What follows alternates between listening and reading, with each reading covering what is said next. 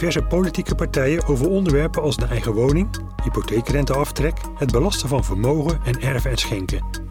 Met het oog op de Tweede Kamerverkiezing op 17 maart hebben Bart Vroon van het Verlandschot Kenniscentrum en ik verkiezingsprogramma's doorgespit op volvermogende Nederlanders, financiële en fiscale thema's.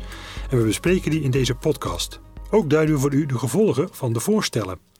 Hebben niet alle verkiezingsprogramma's doorgenomen en doen maar liefst 37 partijen mee aan de verkiezingen. Wel lazen we de programma's van de grootste partijen, de partijen die nu in de Kamer zitten en die in de peilingen het goed doen. Nou verwacht u van ons geen stemadvies. Wij informeren u over de belangrijke financiële en fiscale onderwerpen, zodat u weet hoe de verschillende politieke partijen daarover soms heel verschillend denken en u heeft daarbij echt wat te kiezen. Mijn naam is Maarten van der Pas. Welkom Bart. Dankjewel, goeiedag. Ja, goeiedag Bart. En ja, we hebben deze podcast verdeeld in drie blokken. We bespreken achtereenvolgens de eigen woning, de vermogensrendementheffing en erven en schenken. En we sluiten af met enkele aanbevelingen voor u. En Bart, ja, laten we beginnen met de eigen woning. Een herkenbaar onderwerp hè, dat altijd veel discussie losmaakt. En ja, laten we doornemen wat de verschillende politieke partijen daarover voorstellen. En dan voorstellen over de hypotheekrenteaftrek en het eigen woningforfait. Maar eerst Bart, kun je ons nog even uitleggen hoe de regeling nu is? Ja, nou ja, dat zal ik even globaal doen. Uh, als u een eigen woning heeft en u bent voor de aanschaf of de verbetering van die woning een lening aangegaan, dan is die rente fiscaal aftrekbaar in box 1. Maar u moet dan wel voldoen aan de fiscale spelregels, bijvoorbeeld dat leningen in 30 jaar moeten worden afgelost. En tegelijkertijd moet u ook in box 1 belasting betalen over het eigen woningforfait. Oké, ja, dank je Bartje. Er is natuurlijk de afgelopen jaren al heel veel discussie geweest over de eigen woning. Hè. Voor veel politieke partijen is dat toch de eigen woning een heilig huisje. Uh, de hypotheekrenteaftrek is dat al lang niet meer.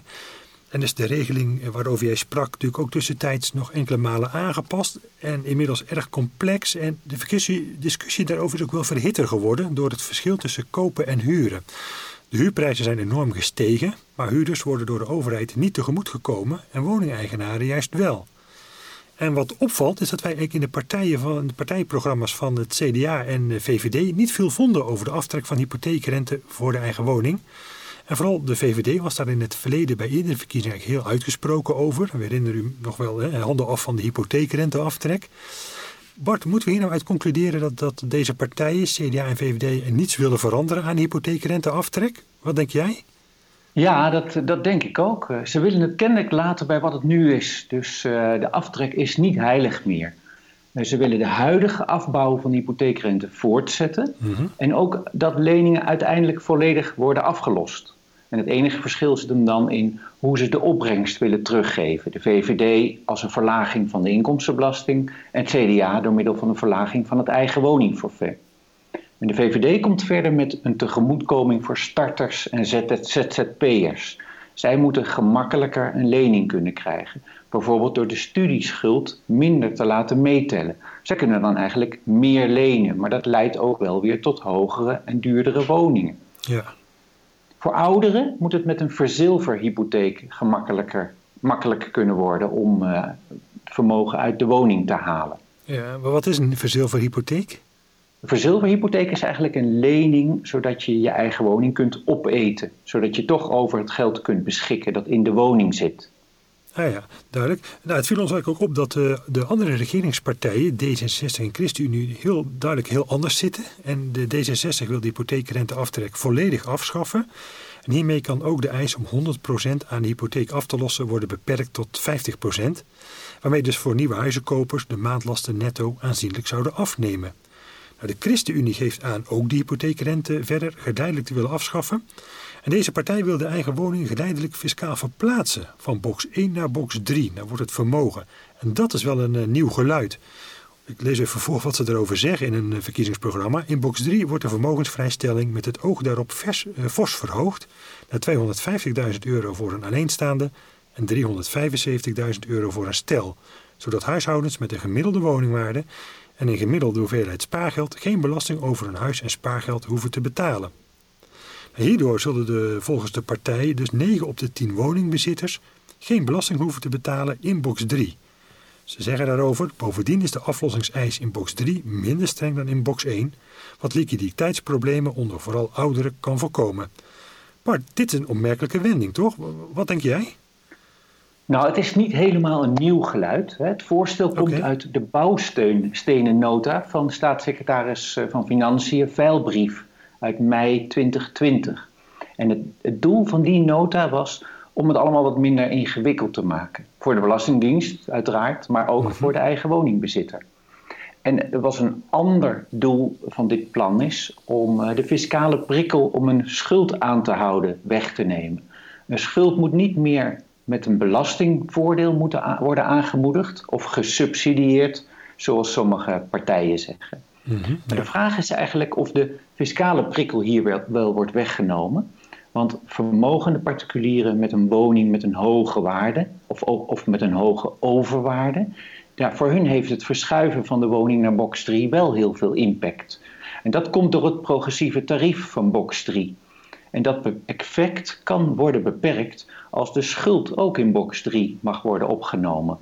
En zo'n maatregel is dan eigenlijk weer een beetje een aanmoediging om een hogere schuld aan te houden, terwijl men juist wil propageren om een lening af te lossen. Ja. En de Nederlandse bank die mengde zich ook nog in deze discussie. Uh, en, en, volgens de Nederlandse bank zal het overbrengen van de woning naar box 3 ook het verschil in kosten tussen huren en kopen ook verkleinen. En dat zou weer goed zijn voor de woningmarkt. Maar je hebt bijvoorbeeld uh, eh, 50 plus, en die is, nou, die is echt helemaal tegen het overhevelen van de woning naar box 3. Zij, voor hun is dat onbespreekbaar. Ja, nou, de standpunten liggen wel al uit elkaar dan. En dan heb ik bij de PvdA gekeken. Partij van de Arbeid die wil de hypotheekrenteaftrek ook afbouwen. En vermeldt er dan nog wel bij dat dit langzaam moet gebeuren. En dat daar de tijd voor uh, moet worden genomen. Want, schrijft de partij, het is nu een goed moment omdat de hypotheekrente laag is. En tegelijkertijd wil de PvdA ook het eigen woningforfait verlagen. Nou, verder bouwt GroenLinks de hypotheekrente juist versneld af. En wil het ervoor zorgen dat middeninkomens daar niet onevenredig worden geraakt. De bestaande belasting op het eigen huis, het woning, eigen woningforfait, bouwt de partij ook af. Nou, Partij voor de Dieren en de SP tot slot, die willen dat hypotheekrenteaftrek eh, mogelijk blijft voor schulden tot 350.000 euro. Maar voor bedragen daarboven, daar moet stapsgewijs worden afgeschaft. En Partij voor de Dieren vindt ook nog dat de banken moeten meewerken aan een eh, verruimde boetevrije aflossing van bestaande leningen. Ja, nou ja, en dan heb je ook nog partijen die helemaal tegen afbouw van de hypotheekrente zijn. En dat zijn eh, de PVV en de Forum voor Democratie. Die zijn heel resoluut en die zeggen handen af van de hypotheekrenteaftrek. En Forum die wil ook zelfs de villa-tax afschaffen.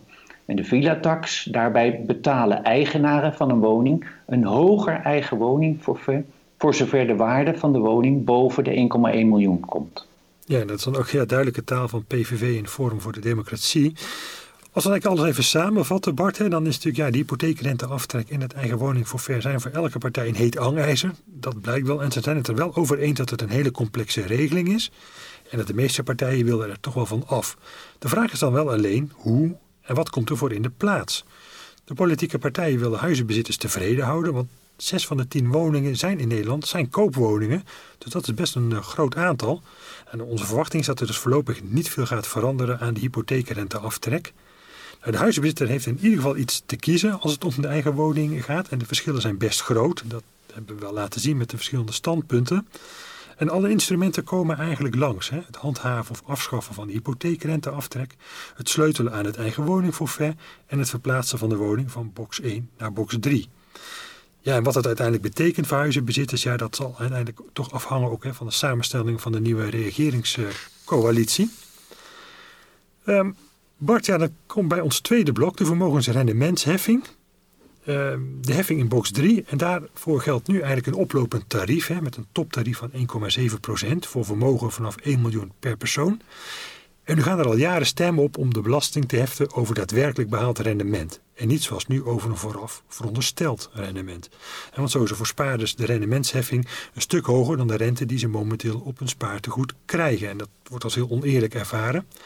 En de regering die laat momenteel onderzoek doen naar de haalbaarheid en uitvoerbaarheid van een box 3-heffing over daadwerkelijk behaald rendement. Dat rapport dat wordt na de verkiezingen verwacht. En maar de regering heeft er wel laten weten dat deze aanpassingen naar verwachting nog een aantal jaren op zich laten wachten. Nou, de meeste partijen waarvan wij de programma's hebben gelezen, die willen een aanpassing van de vermogensrendementsheffing. De ChristenUnie is daar heel uitgesproken over. En ik citeer uit het uh, verkiezingsprogramma. De huidige belasting op kapitaalinkomen is complex, gefragmenteerd en door het hoge forfaitaire rendement, waarvan wordt uitgegaan, ook nog eens oneerlijk. Technisch is het inmiddels mogelijk om belasting te heffen op daadwerkelijke vermogenstoename. En de partij pleit dan ook voor een vermogensaanwas of een vermogenswinstbelasting. Ja, nou ja, dat het technisch mogelijk is, dat is maar gedeeltelijk waar. Hè? Want uh, voor spaargelden en voor effecten, daar kan het werkelijk rendement goed worden gerapporteerd. Mhm. Maar de vraag is of de Belastingdienst dat ook al aan kan. Want er zijn inmiddels twee staatssecretarissen achter elkaar die aangeven dat er een probleem is. En verder is het ook van belang om te weten wat dan eigenlijk de voor- en de nadelen zijn van deze heffingen.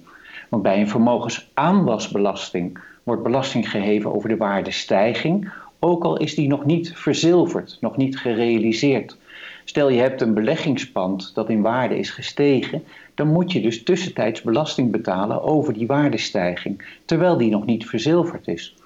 Is de huuropbrengst dan toereikend om die belasting te betalen? Want die huur is in principe gelijk gebleven.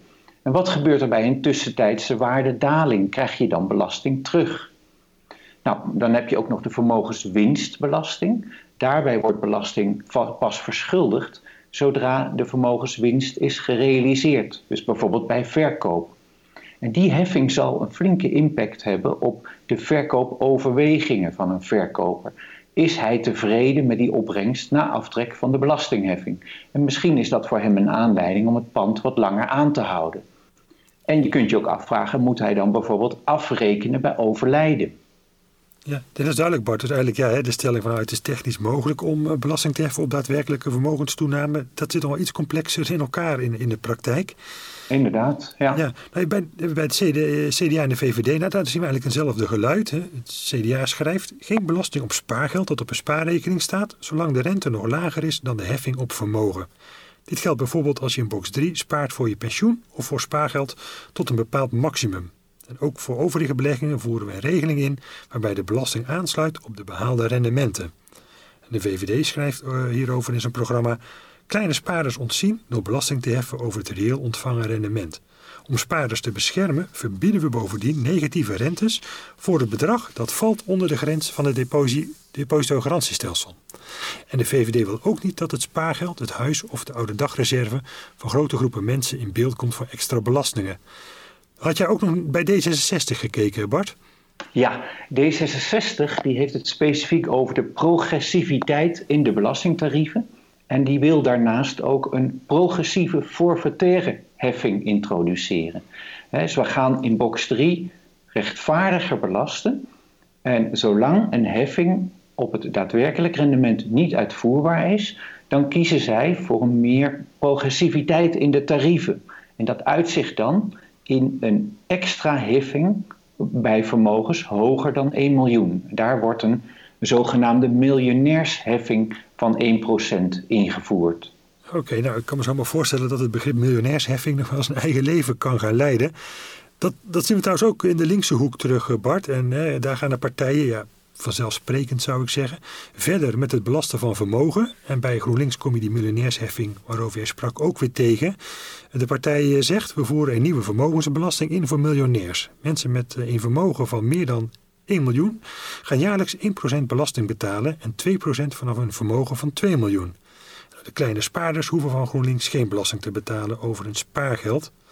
En ook over de woningverhuurders, uh, die wil GroenLinks ook meer gaan belasten. Uh, daarover schrijven ze, pandjesbazen gaan eerlijke belasting betalen. En om het ook in hun woorden te zeggen, ze hebben het over pandjesbazen. En hun huurinkomsten worden voortaan hetzelfde belast als gewone inkomsten uit werk. Ja, nou ja, dat zie je dus ook uh, bij de P van de A. Die heeft het zelfs over de Prins Bernhard belasting, niet tot zijn genoegen overigens, voor ver verhuurders van vijf of meer woningen. En uh, nou, die, uh, die, die belastingheffing is vernoemd naar de vastgoedinvesteerder Prins Bernhard junior. En dat leidt ertoe dat huurinkomsten, maar ook de vermogenswinsten dan met inkomstenbelasting worden belast. En dat belasten van huurbaten, nou zo was het eigenlijk ook onder de wet van 1964. En dat leidde eigenlijk tot veel gesjoemel met de huuropbrengsten. Nou, verder wil de PvdA ook box 3 afschaffen en vervangen door een nieuwe progressieve vermogenswinstbelasting. En de PvdA zegt daarover: er komt een nieuwe progressieve vermogenswinstbelasting voor grote vermogens. Hoe groter je vermogen, hoe meer je gaat bijdragen. Ja, een heel opvallend debat. Ik heb ook even bij de PVV gekeken en, en die schrijven helemaal niks over box 3 in het verkiezingsprogramma. Nee, nee. Nou ja, zo komen we eigenlijk tot een conclusie. En dat is eigenlijk uh, dat bij, ook bij het belasten van vermogen er echt wat te kiezen valt. Hè? Alle partijen die willen van de vermogensrendementsheffing in box 3 af. En deze vervangen door een eerlijker heffing, waarbij daadwerkelijk behaald vermogen of rendement op vermogen wordt belast. Maar de uitvoering daarvan, die moet nog worden uitgewerkt en die is ook nog niet zo eenvoudig. Nou, D66 en de linkse partijen, die gaan nog verder en die willen de grote vermogens meer belasten. Dus voor box 3 kunnen we flinke veranderingen verwachten, maar die kunnen ook nog wel even op zich laten wachten. Ja, we zullen zien inderdaad, Bart, wanneer dat allemaal plaatsvindt. Uh, uh, ons derde thema is uh, schenk- en erfbelasting. En nou, die kwamen wij niet in alle verkiezingsprogramma's tegen. Voordat we even gaan bespreken, Bart, kun je nog even vertellen wanneer, ja, wanneer speelt die heffing nu? Nou, die heffing die wordt geheven bij de ontvanger van een schenking of van een erfenis. En het tarief is progressief, maar ook van wie wordt ontvangen, dat is van invloed op het tarief. Dus de vrijstellingen die zijn verschillend. Ontvang ik dus een erfenis van mijn ouder, dan betaal ik maximaal 20% belasting. En ontvang ik een erfenis van een tante, dan kan het tarief zelfs oplopen tot 40%. En dan heb ik even gekeken wat D66 daarover zegt. En die pleit ervoor om de tarieven te verhogen, maar het onderscheid tussen de verschillende categorieën ontvangers te verkleinen. De tarieven worden progressiever, zeggen de Democraten, zodat over grotere erfenissen relatief meer belasting wordt betaald. En zo wil de partij ervoor zorgen dat erfenissen en schenkingen niet onevenredig bij mensen terechtkomen die al relatief welvarend zijn. De GroenLinks eh, die pleit ervoor om de erfbelasting voor gewone huishoudens met een gemiddelde erfenis af te schaffen, maar juist om een grote erfenis zwaarder te belasten. Ja, en dan moet ook nog maar vastgesteld worden wat dan een gemiddelde erfenis is en wat een grote erfenis is. Ja, inderdaad. Ja, ja en nou, Forum voor de Democratie die pleit gewoon voor afschaffing van de erf- en schenkbelasting. Ja, nou dan heb je nog bij twee partijen komt ook de bedrijfsopvolgingsregeling uh, ter sprake. Ja, voor klanten van, van Landschot ook een, vaak een belangrijk onderwerp. Nou, zeker. Ja, dat speelt natuurlijk voor uh, klanten van Van Landschot met een eigen bedrijf een hele belangrijke rol. Het is namelijk een vrijstelling bij de vererving of de schenking van een bedrijf. En die is bedoeld om de continuïteit van dat bedrijf niet in gevaar te brengen. En GroenLinks die wil deze regeling hervormen. En CDA pleit juist voor het behoud van een regeling en een snellere behandeling, zodat er zeker, eerder zekerheid is over de behandeling daarvan. Wat mij ook uh, opviel, Bart, was dat de, meeste partijen ook aandacht besteden aan de jubelton. dat is de belastingvrije schenking van pakweg 105.000 euro, die voor de aanschaf van een eigen woning moet worden gebruikt. En we hebben het daar in onze podcast al regelmatig over gehad, over deze vrijstelling. Laatst ook nog in onze podcast over, over schenken. En uh, het hoeft bij deze schenking trouwens niet te gaan om een schenking van ouder aan kind, maar het kan ook een schenking zijn van een tante aan een neef. En zolang deze nog maar geen 40 jaar oud is. En ja, Bart, wat zeggen de partijen over deze belastingen? nou, de PvdA die wil echt van de jubelton af.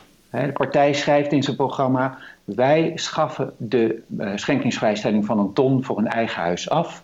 Zo zorgen we dat alle starters een eerlijke kans maken op een huis. En niet alleen mensen met rijke ouders.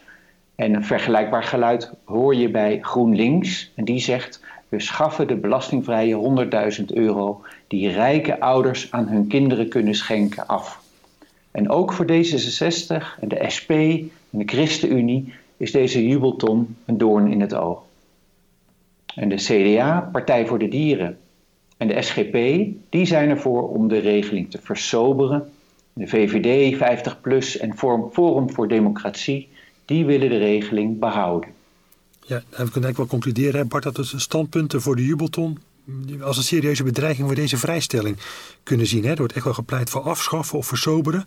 En een aantal partijen, eh, de minderheid, die willen het gewoon houden zoals het eh, nu is.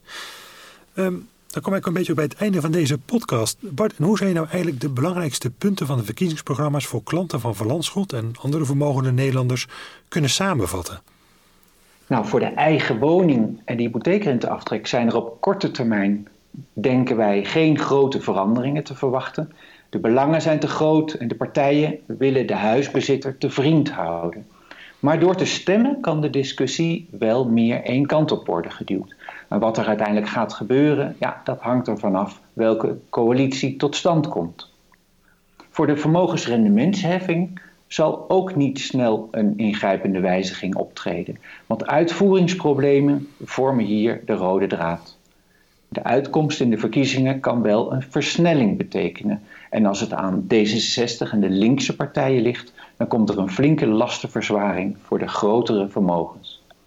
En een duidelijker signaal is er voor de schenkbelasting. De kans dat de jubelton dit jaar wordt afgeschaft is groter geworden. Dus als u overweegt een schenking voor de eigen woning te doen, dan zou u dat dit jaar nog moeten doen. En de ontvanger heeft dan tot eind 2023 de tijd om van dat geld een woning te kopen. Nou, goed om te weten, Bart, dat jubelton dus niet meteen uh, hoeft te worden besteed als hij wordt uh, geschonken. Nou Bart, met deze tip zijn we aangekomen bij het slot van deze podcast. En ik heb het idee dat we de luisteraar behoorlijk hebben bijgepraat over belangrijke financiële en fiscale thema's in de verkiezingsprogramma's. En we hebben ze duidelijk gemaakt dat er echt wat te kiezen is. Maar we hebben het natuurlijk alleen gehad over de eigen woning, vermogen, schenken en erven. En de verkiezingsprogramma's bevatten natuurlijk nog veel meer belangrijke onderwerpen, zoals de klimaatverandering, gezondheidszorg en onderwijs. En het is uiteindelijk ook maar de vraag wat er van de plannen die wij in deze podcast besproken hebben overblijft als een partij mee gaat regeren en daarbij compromissen moet sluiten. Bart en ik gaan zeker stemmen en wij moedigen u aan dat ook te gaan doen. Bedankt voor het luisteren.